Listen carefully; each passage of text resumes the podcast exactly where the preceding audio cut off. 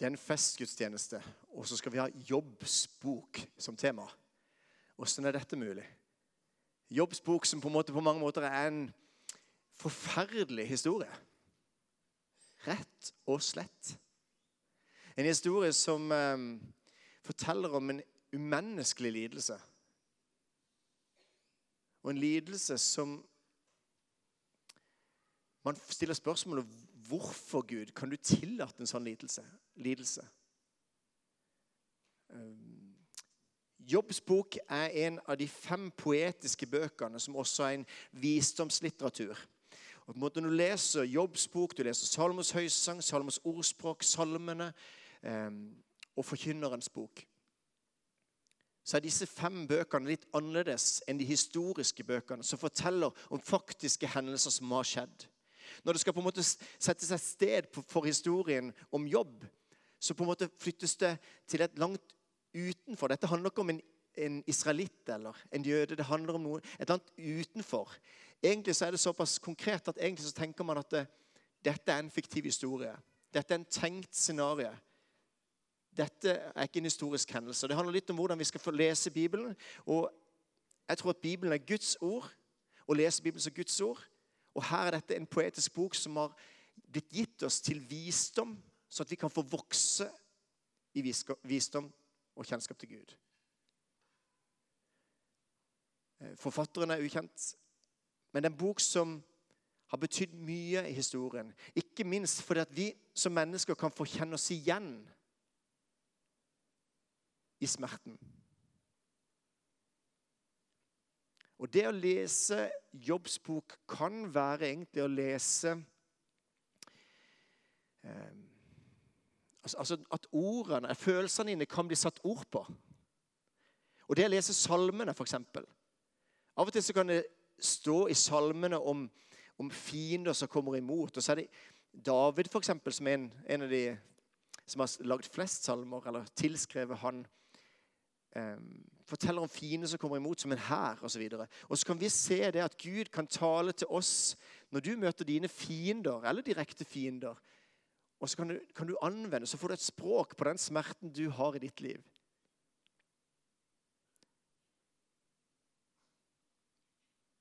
Det er klagesangene.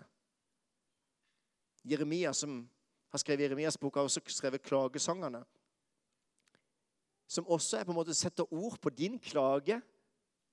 I din smerte så kan du få lov til å sette ord for hjelp fra Bibelen. Du kan kjenne deg igjen i Bibelen. Det syns jeg er utrolig fint. Men det handler litt om å forstå også at dette da er en bok som, som ikke vi trenger å tenke at har skjedd. At faktisk Jobb levde. Men egentlig så er dette historien om meg, det. om våre liv fordi vi merker at av og til så rammer det onde oss blindt. Vi opplever at det onde skjer brutalt uten grunn, egentlig. Og så skjer dette, da. Historien om jobb handler nemlig om at en mann er rikt velsigna. Og bare det å snakke om at man er rikt velsigna, kan av og til misforstås litt. For man tenker at hvis man ikke har et rikt liv, så er man ikke velsigna. Hvis man materielt sett ikke har et rikt liv. Eller hvis man opplever smerte og lidelse, så er man ikke velsigna. Men han opplevde at han hadde alt. Han var rikt velsigna, hadde masse, masse eh, familie og rikdom. Så er det en samtale mellom Satan og Jahve. Denne anklageren, den som kommer og stiller spørsmål, den som går imot Gud, sier nemlig til Gud at, at det eneste grunnen til at jobb tilber deg og tror på deg, det er fordi at du har velsigna han så rikt. Hvis du hadde tatt fra han dette, så tror jeg også han ville fornekta det. Og det er da Gud tillater den onde å få slippe til i jobbsliv. Og I første omgang så begynner det med at eiendelene, alt han eier, blir fratatt han. Brutalt. Plutselig så skjer det angrep på forskjellige situasjoner, og så sitter han igjen uten noen ting. Hva skjer med jobb i den situasjonen?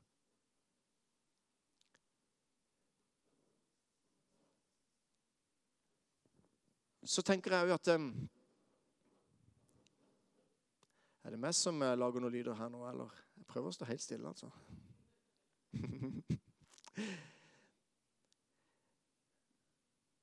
Så kommer da den onde tilbake igjen, som blir egentlig litt fortvila fordi at jobb forkaster ikke Gud. Og så kan vi lese fra Jobb kapittel 2, vers 1-10. Så hendte det en dag at Guds sønner kom og trådte fram for Herren. Blant dem var også Satan. Hvor kommer du fra? spurte Herren. Jeg strefet omkring på jorden, svarte Satan.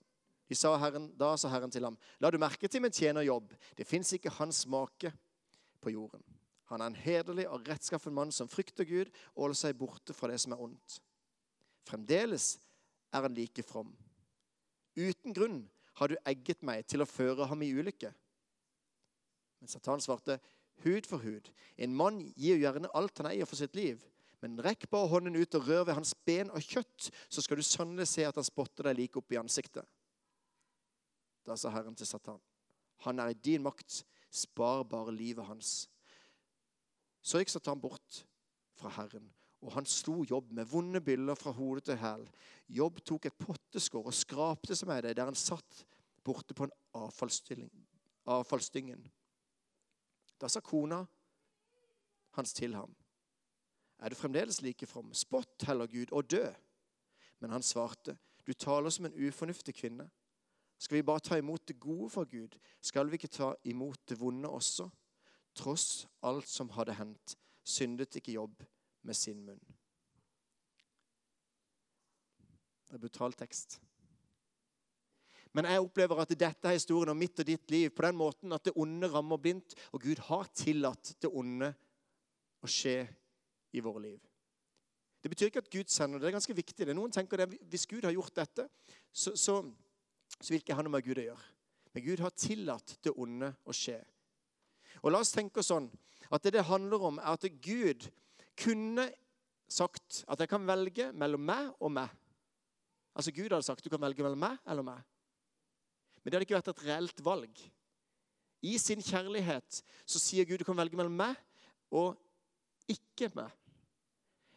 Gud trekker seg vekk fra et felt, fra et område, for at det skal være et reelt valg til Gud.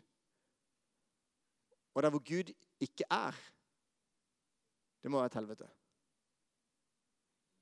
Gud trekker seg vekk fra et felt. Det gjør at det tillater slangen å komme inn i Edens hage. Det, det, har gjort at Gud har tillatt å sette kunnskapens tre i Edens hage, selv om han visste at de kom til å spise av det.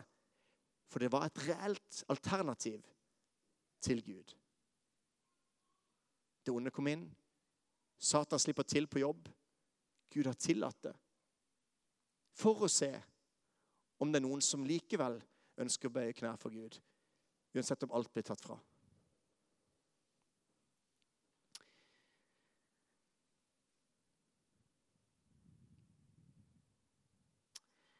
Jobb hadde sett at han var forvalter Guds eiendom.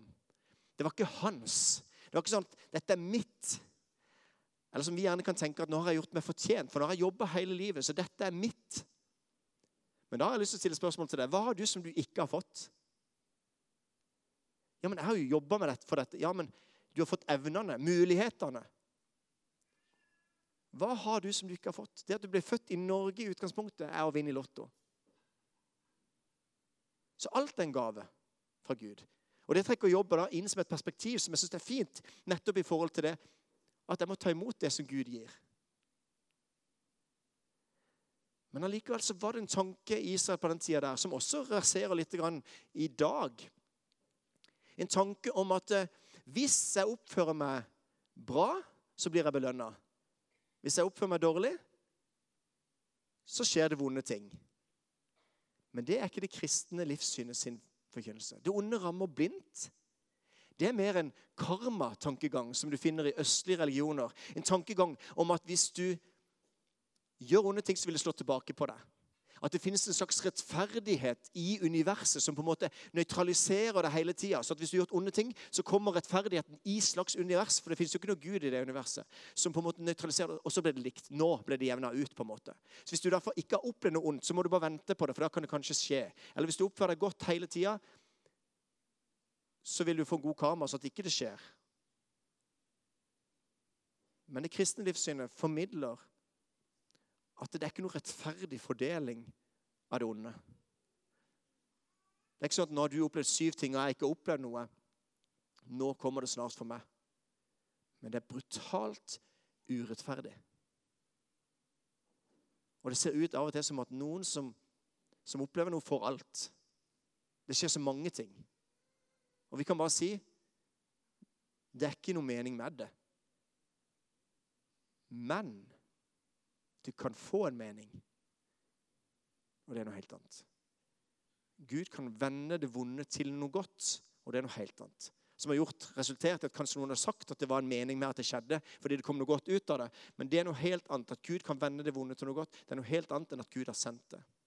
Og her må vi se i forhold til islam, så må, hvis man tror på Allah, så er alt som skjer, Allahs vilje. Jeg synes Det er vanskelig å ha et gudsbilde hvor Gud vil at alt som skjer, at det er Allahs vilje. For meg som er kristen og tror på Javé, som tror på Gud, så er det et brudd med Guds vilje. Det skjedde allerede i syndefallet. Idet mennesker valgte bort Guds vilje, så er det et brudd med Guds vilje. Det var ikke sånn det var ment å være. Men Gud tillot det. Gud satte kunnskapens tre der av en grunn. Av kjærlighet. At det ikke skal bli tvang. At selv om han vet hva som er best for deg, så tvinger han ikke den viljen på deg. For da er det ikke kjærlighet. Da er det ikke frihet. Jeg har brukt det før som et eksempel med mine barn. At jeg av og til kunne hatt lyst til å tvinge min vilje på mine barn fordi at jeg vet at det er til det beste for dem. Men det er ikke frihet. Det er ikke kjærlighet. De må være selvstendige mennesker som jeg skal være med og hjelpe til å ta gode valg. Jeg må legge til rette for det. Jeg har lyst til å gi den beste inputen jeg kan gjøre for at de sjøl skal treffe sine gode valg og bli selvstendige mennesker og kjenne at de er frie, kjenne at de er elska for den de er, uansett hvilket valg de tar. Det jeg sa nå, det handler om deg og Gud. Gud ønsker å legge til rette alt mulig for at du skal ta, treffe gode valg. Tar du dårlige valg, så er det en betingelsesløs kjærlighet. betingelsesløs kjærlighet. Men han vil aldri overstyre deg. Han vil aldri gå ned og styre. Nå, jeg, nå vil jeg overkjøre den. Du er fri. Fri til å tjene. Fri til å elske. Fri til å bruke ditt liv og dine evner som du har fått, og gi tilbake igjen hvis du ønsker å gi han æren. Ingen tvang. Men det er perspektiv hvis vi ser det at det vi har fått, og det vi ikke har fått Og det du har fått av smerte, lidelse Hvis du gir det til Gud, så kan også smerten og lidelsen bli en ressurs og bli brukt til Guds ære. Og Jeg vil bare si det for min del, og kanskje noen av dere også Kanskje alle har den erfaring, at de vonde tingene i livet, den smerten du har opplevd Jeg ville aldri vært foruten. Og det blir veldig feil hvis du har opplevd veldig mange vanskelige ting. og spesielt, Nei, det, blir egentlig feil å si det på den måten. Jeg vil si det litt annerledes. Jeg vil si det sånn at Noen av de erfaringene som jeg tenkte at jeg skulle ønske at jeg aldri hadde opplevd sjøl, det har lært meg noe, som har gitt meg noe, som har forma meg til den jeg er i dag, som jeg er takknemlig for. Og Så kan det være du har opplevd en ting som aldri, aldri vil kunne komme noe godt ut av. Men, men også de situasjonene kan Gud lege. Og Gud kan også bruke de situasjonene til at det kan bli en ressurs når det er blitt gitt til han og blitt bearbeida. Men det går ikke an å si når man står midt i det. Det må man erfare når man er kommet igjennom en lidelse, en smerte. Det går ikke an for meg å, å si at det, ja, bare se positivt på det. Da får du et slag på, på tygga. Hvis man står i en smerte og står i en lidelse, så hjelper det ikke. Tenk positivt. Da har du rett til å slå eier dere tillatelsen. Men poenget er bare at det, det, er et eller annet der som er utrolig provoserende. Det bare handler om hvis du, Hvis du tenker liksom eh, eh, ja, Hvis du har tapt i et spill, da, noe så konkret og lettvint som det Du har tapt i et spill, og så kjente du at det var skikkelig irriterende. Og så kommer noen og sier ja, ja, men det er jo bare et spill. Det er ikke det! Du er liksom just ferdig med spillet. Og så, og så kommer den som liksom vant da, og skal komme med gode råd inn til deg. Altså, Det funker ikke. Nei, det var kanskje et dårlig eksempel. Men poenget var bare å si at det, det er lett å holde hodet høyt når allting går deg vel. Som Sigurd Dagsland snakker om. Det er lett å gi gode råd og på en måte komme med når ting går bra. Men hvis man har det vanskelig, så må man sjøl komme fram til den erkjennelsen. Man kan ikke på en måte gi det. altså på en måte, eh, Det blir bare vanskelig å ta imot.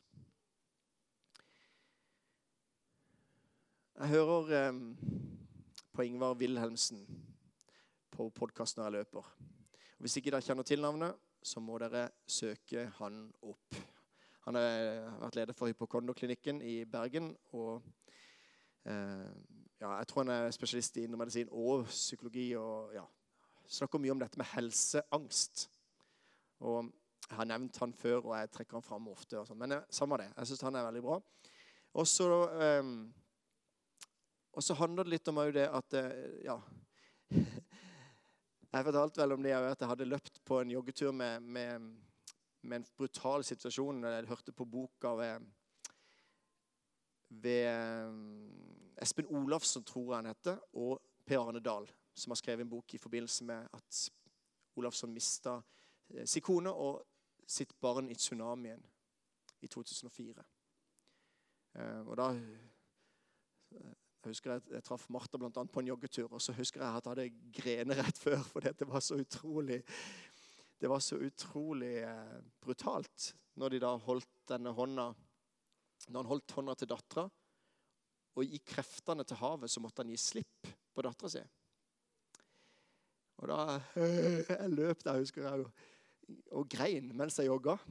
Og så rett etterpå straffa Martha. Det var hyggelig. Men det var, men det var bare sånn eh, det er så brutalt, dette livet. Og så jogger jeg nå med, med han der da, Ingvar Wilhelmsen. Og så får jeg lov til å høre det at eh, det er ikke noe mer synd på deg enn på alle andre.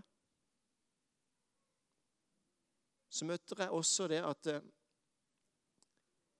det, er så lett å på en måte tenke Hvis det har gått galt, så er det lett å tenke at nå er det synd på meg. Nå er det sånn at det, ja, og så forteller jeg det, hva som har skjedd. Og så sier alle 'Å, så vanskelig du har det', og gjerne griner med deg. Men på en måte så er det ikke noe hjelp i det, for da blir man værende i den synd synd på-fasen. Så skriver han en bok som er veldig brutal. Det er ikke mer synd på deg enn andre. Og som sier det at det handler om å ta tak i eget liv ut ifra den vanskelige situasjonen. Og ikke på en måte vente på at, på at andre skal gjøre det. For hver enkelt er egentlig nok, mer enn nok opptatt av seg sjøl og, og, livet. Men, men, men, det var så provoserende for denne pasienten som hørte det, som hadde to samtaler med da Ingvar Wilhelmsen. To samtaler etter å ha vært i terapi og fått fire diagnoser og vært i, igjen og igjen i system hvor terapeutene hadde grenet med og syntes det var en forferdelig historie og brutal historie. Men hvor Ingvar Wilhelmsens utfordrer på det at du må ta tak i eget liv. Og Du har all god grunn til å være bitter, men det eneste som du ødelegger, er deg sjøl. Så kan det være i forskjellige former osv. Men av og til så kjenner jeg det at jeg kan ikke ta ansvar for for andre mennesker som påfører, påfører, meg noe. Men jeg kan ta ansvar for hvordan jeg tar imot budskapet fra andre. Kommer noen og snakker dritt til meg, eller kanskje noen har sagt noe til deg i barndommen eller et eller annet som har vært utrolig tøft og vanskelig. Kanskje noen ringer til deg og egentlig bare gjør sånn at du kjenner at du blir bare tynga av det. Så kan ikke du ta ansvar for det at de, at de ikke ringer, men du kan ta ansvar om du tar telefonen, eller hvordan du reagerer på hvordan du tar det imot. Dette er ikke noe quick fix.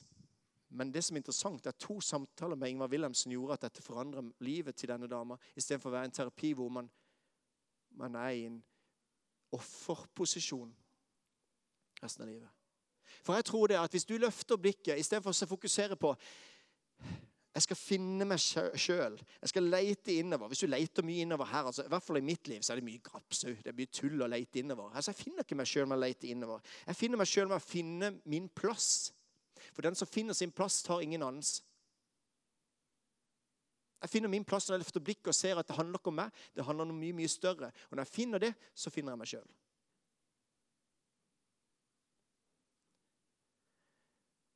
Selvhjelpslitteratur og alt det greiene der det helt topp. Men jeg tror, jeg er overbevist om, at mennesker trenger et holdepunkt utenfor seg sjøl. Ankeret kan ikke ligge oppi båten. Det er ingen funksjon. Man trenger et holdepunkt utenfor seg sjøl. Og det som jeg ser, er at eh, Jeg må se om jeg forkaster Gud når livet går meg imot.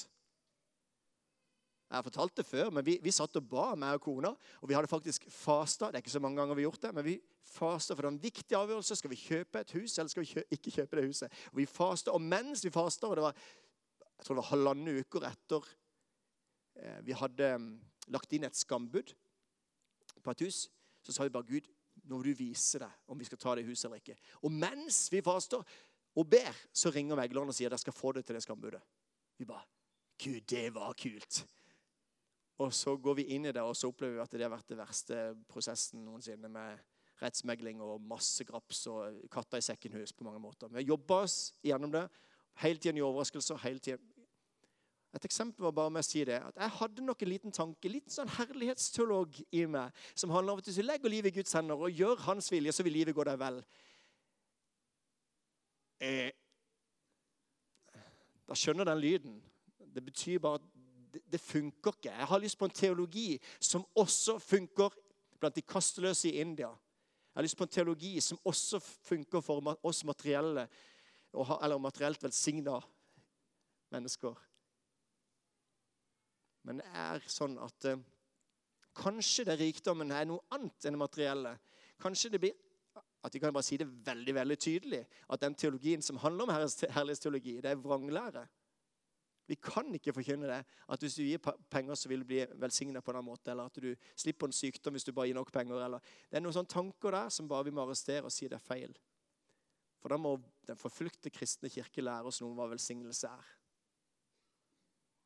Da må mennesker som ikke har noen ting, men som finner håpet og frelsen i Jesus, lære oss noe om hva velsignelse er. Da må du som lever oppreist sammen med Jesus i ditt vanskelige liv, lære oss noe om hva velsignelse er.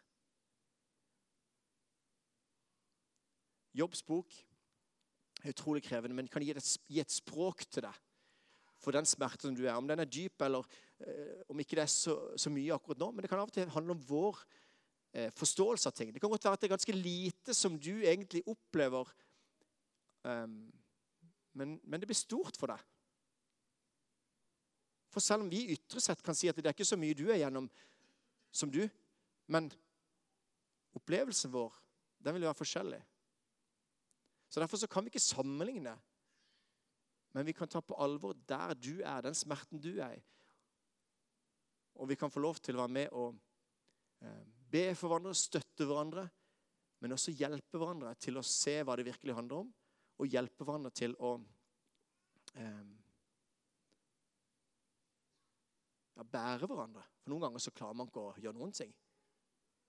Og Det synes jeg er veldig fint når man kan bli båret til dåpen. For det er ganske hjelpeløst barn. Og noen ganger så, når jeg tviler, så kan jeg bli båret av andres tro. At vi står ikke alene. Vi er et fellesskap av den verdensvide kirke, den lokale kirke. At vi står sammen og bærer hverandre. Vi er en stor familie.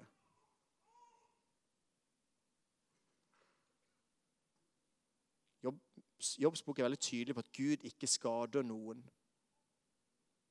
Det står faktisk i Jakobs brev at ingen som blir fristet, må si 'det er Gud som frister meg'. For Gud blir ikke fristet av det onde, og selv frister han ingen.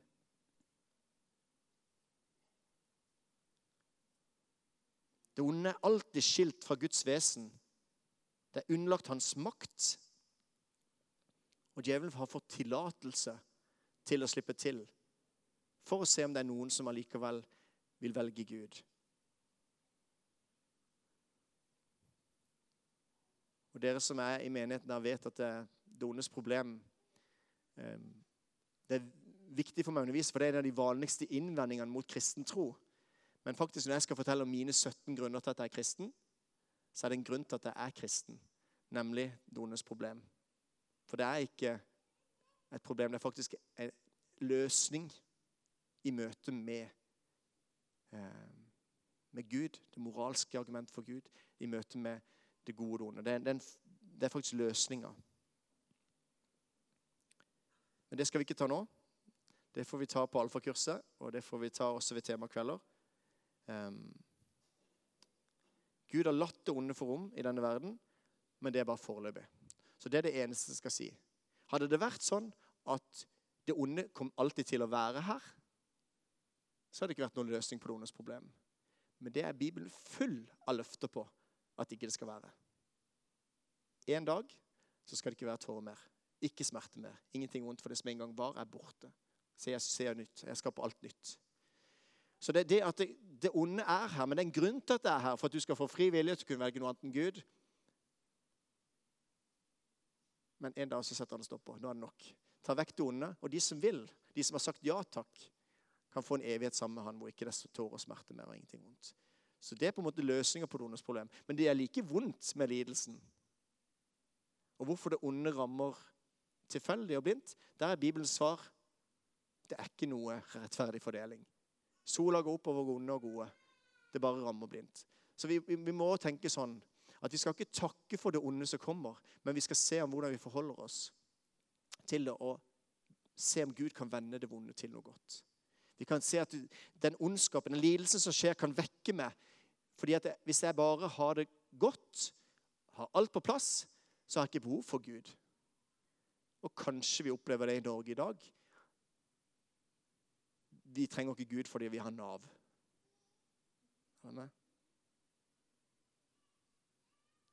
Så C.S. Lewis sier at lidelsen er Guds megafon til å vekke en døv verden. Men det er ikke derfor han er der, men Gud bruker lidelsen til, til noe godt. Det er mange ting jeg kunne ha kommet inn på her. Nå ser jeg at tida løper fra meg. Men jeg har lyst til å avslutte med å si at eh, Jobb Han forkaster ikke Gud. Han blir fratatt alt. Han sier det at naken kommer til denne verden, og naken skal jeg forlate denne verden. Og Det er et fint perspektiv å ha med seg inn i møte med dette livet her. Naken kommer jeg fra mors liv, naken vender jeg tilbake. Herren gav, og Herren tok. Herrens navn være lovet Det eneste som er sikkert, og som all forskning viser, er at du kan ikke ta med deg noe videre. Kroppen ligger igjen. Alt du eier, ligger igjen. Ligger igjen. Men vi tror at livet ikke slutter der. Men at det er første dagen i det livet som Gud virkelig ønsker å skape. Og Da tenker jeg at vi må ha et evighetsperspektiv på det vi opplever også her. Hva skal du gjøre de neste 300 årene av ditt liv? Hva vil dette lære oss som vi kan ta med oss inn i møtet med evigheten? Så skal vi være der og støtte hverandre, vi skal være med og, og bry oss om hverandre når lidelsen rammer. Men aldri gi noe råd om å forkaste Gud, sånn som de tre vennene til jobb gjorde. Anbefalte han på en måte å Du har helt sikkert synda siden det rammer så mye vondt på deg. Men det arresterer Jesus ganske tydelig når de på, foreslår at eh, den blindfødte mannen i Johannes 9, tror jeg det, som sier det at eh, hvem har syndet? Er det han, eller er det foreldrene hans som har synda? Det blir bare det er feil. Det er ikke riktig. Det er ikke skjedd for at, Guds, um, at Gud skulle bli æra ut av denne situasjonen. Så vi kan ikke tro på at det er noe karma. Vi kan ikke tro på at det er noe um, rettferdig fordeling, eller at du, det onde rammer deg fordi du har gjort noe galt. Men Gud kan bruke det vonde og vende til noe godt. Jobb klager, men synder ikke av den grunn. Det er ikke synd å klage. Klagesang er lovsang. For du utøser ditt hjerte overfor Gud sånn som du har det. Det er lov til å klage. Da utøser du ditt hjerte for Gud.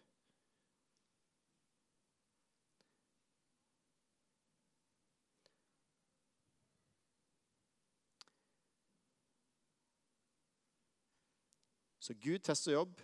Jobb anklager Gud. Jobb stiller spørsmål ved Gud.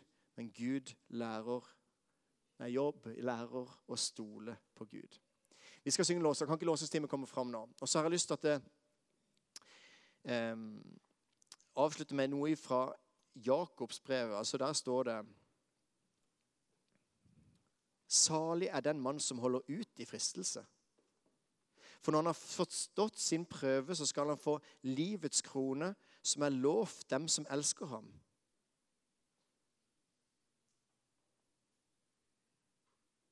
Den seierskrans der, der framme. Denne lidelsen er kortvarig og lett, men en dag så skal det være en utrolig glede. Men vi har lyst til å være med og bære det. Og nå, nå, nå vil vi, jeg tror Øystein vil stille oss bak oss. Og så vil vi være med og bare legge hendene for deg og velsigne og be for deg i den situasjonen som du er i. Hvis du trenger en velsignelse inn i arbeidslivet ditt, for der ønsker vi å heie på deg der du er, eller hvis det handler om at du er i en smerte, eller at du har noe som du har lyst til å dele, som du vil takke for, så har vi lyst til å stå sammen med og be for deg. Så nå synger vi et par lovsanger. Vi skal også bl.a. synge om frihet. Og så gjør vi det. Og så har vi benytt muligheten til å stikke bak. Så tar vi en kort forbønn for deg, og så er vi og heier på deg når du går i livet. Gud velsigne deg.